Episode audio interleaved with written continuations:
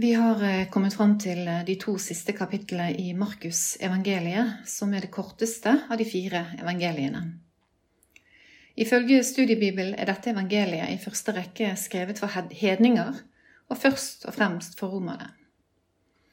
Evangeliet beretter hovedsakelig om Jesu guddommelige gjerninger og fremhever Han som Herre.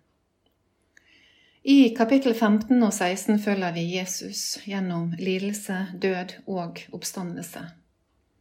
Etter oppstandelsen gir Jesus disiplene oppdraget om å gå ut i hele verden og forkynne evangeliet for alt som Gud har skapt. Da leser vi fra kapittel 15. Straks det ble morgen, og overprestene med de eldste og de skriftlærde, altså hele rådet, hadde holdt møte, bandt de Jesus, førte ham bort og overga ham til Pilatus. Pilatus eh, spurte ham, Er du jødenes konge? Jesus svarte, Du sier det. Overprestene kom nå med mange anklager mot ham, og Pilatus spurte ham igjen, Svarer du ingenting? Du hører alt det de anklager deg for. Men Jesus svarte ikke et ord, og Pilatus undret seg. Hver høytid pleide Pilatus å gi en fange fri, den folket ba om. En som gikk under navnet Barabas, satt fengslet sammen med de opprørerne som hadde begått et drap under opprøret. Da mengden bøtte opp og begynte å be Pilatus gjøre som han pleide, svarte han, Vil dere at jeg skal løslate jødenes konge? For han visste at det var av misunnelse overprestene hadde utlevert Jesus. Men overprestene egget opp folkemengden, så de ba ham gi Barbas fri i stedet. Pilatus tok på ny til orde.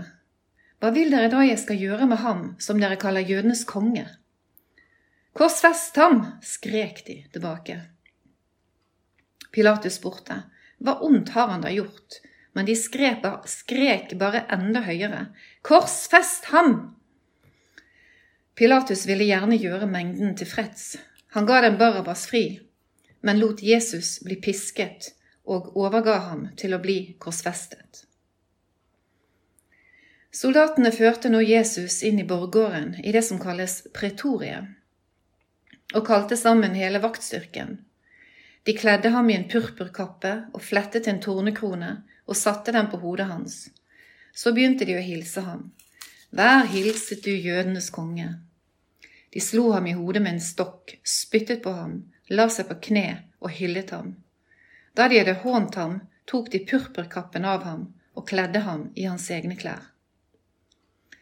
Så førte de Jesus ut for å korsfeste ham, og de tvang en mann som gikk forbi, til å bære korset hans. Det var Simon fra Kyrene, far til Alexander og Rufus. Han var på vei inn fra markene. De førte Jesus ut til et sted som heter Golgata. Det betyr hodeskall. De ville gi ham vin med myrra i, men han tok ikke imot den. Så korsfestet de ham og delte klærne hans mellom seg ved å kaste lodd om hvilket plagg hver skulle få. Det var ved den tredje timen de korsfestet ham. Innskriften med anklagen mot ham lød Jødenes konge. Sammen med ham korsfestet de to røvere, en på høyre og en på venstre side av ham.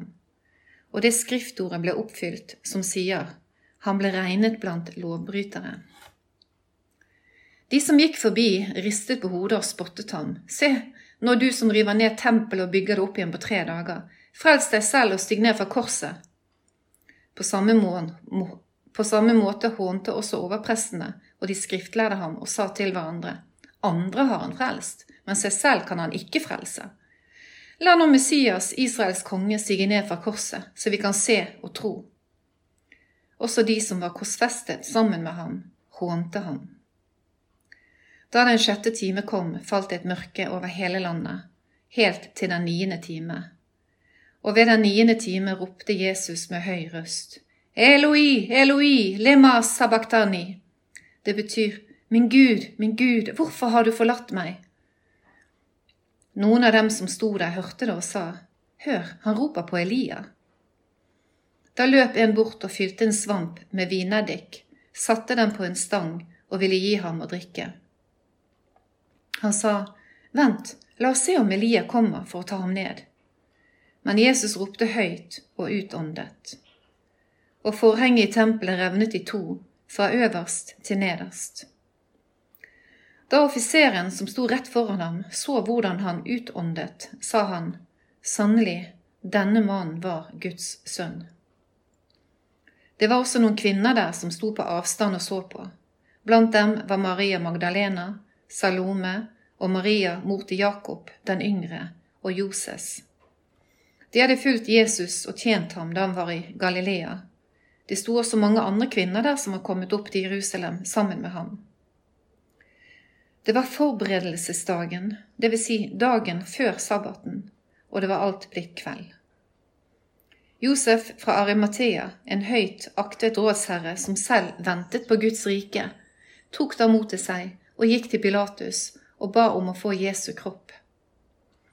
Pilatus fant det underlig at han allerede skulle være død, og tilkalte offiseren og spurte om han hadde vært død lenge. Da han hadde fått det bekreftet fra offiseren, lot han Josef få liket. Han kjøpte da et linklede, tok Jesus ned, svøpte ham i det og la ham i en grav som var hugget ut i bergveggen, og rullet en stein foran inngangen til graven. Maria Magdalena og Maria, mor til Joses, så hvor han ble lagt. Kapittel 16 Da sabbaten var over, kjøpte Maria Magdalena og Maria, Jakobs mor, og Salome velluktende oljer for å gå og salve ham. Tidlig om morgenen den første dagen i uken kom de til graven da solen gikk opp. De sa til hverandre, Hvem skal vi få til å rulle bort steinen fra inngangen til graven? men da de så opp, fikk de se at steinen var rullet fra. Den var meget stor. Da de kom inn i graven, så de en ung mann sitte på høyre side, kledd i en hvit, lang kjortel, og de ble forferdet. Men han sa til dem, Vær ikke forferdet. Dere leter etter Jesus fra Nasaret, den korsfestede. Han er stått opp, han er ikke her. Se, der er stedet hvor de la ham. Men gå og si til disiplene hans, og til Peter. Han går i forveien for dere til Galilea. Der skal dere få se ham, slik som han sa dere.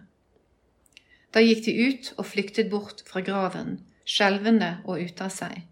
De sa ikke et ord til noen, for de var redde. Etter at Jesus var stått opp igjen tidlig den første dagen i uken, viste han seg først for Maria Magdalena, som han hadde drevet sju onde ånder ut av. Han gikk av sted og fortalte det til dem som hadde vært med ham, og som nå sørget og gråt. Men da de fikk høre at han levde, og at hun hadde sett ham, trodde de det ikke. Senere viste han seg i en annen skikkelse for to av dem mens de gikk på veien og skulle ut på landet. Også disse kom og fortalte det til de andre, men de trodde ikke dem heller. Til sist viste han seg også for de elleve mens de var samlet til måltid. Han bebreidet dem for deres vantro og harde hjerter, for de hadde ikke trodd dem som hadde sett at han var stått opp. Og han sa til dem, Gå ut i hele verden og forkynn evangeliet for alt som Gud har skapt. Den som tror og blir døpt, skal bli frelst, men den som ikke tror, skal bli fordømt. Og disse tegnene skal følge dem som tror. I mitt navn skal de drive ut onde ånder. De skal tale nye tungemål og de skal ta slanger i hendene. Om de drikker dødelig gift, skal det ikke skade dem, og når de legger hendene på syke, skal de bli friske. Etter at Herren Jesus hadde talt med dem, ble han tatt opp til himmelen og satte seg ved Guds høyre hånd. Men de gikk ut og forkynte overalt, og Herren virket med og stadfestet ordet gjennom de tegn som fulgte.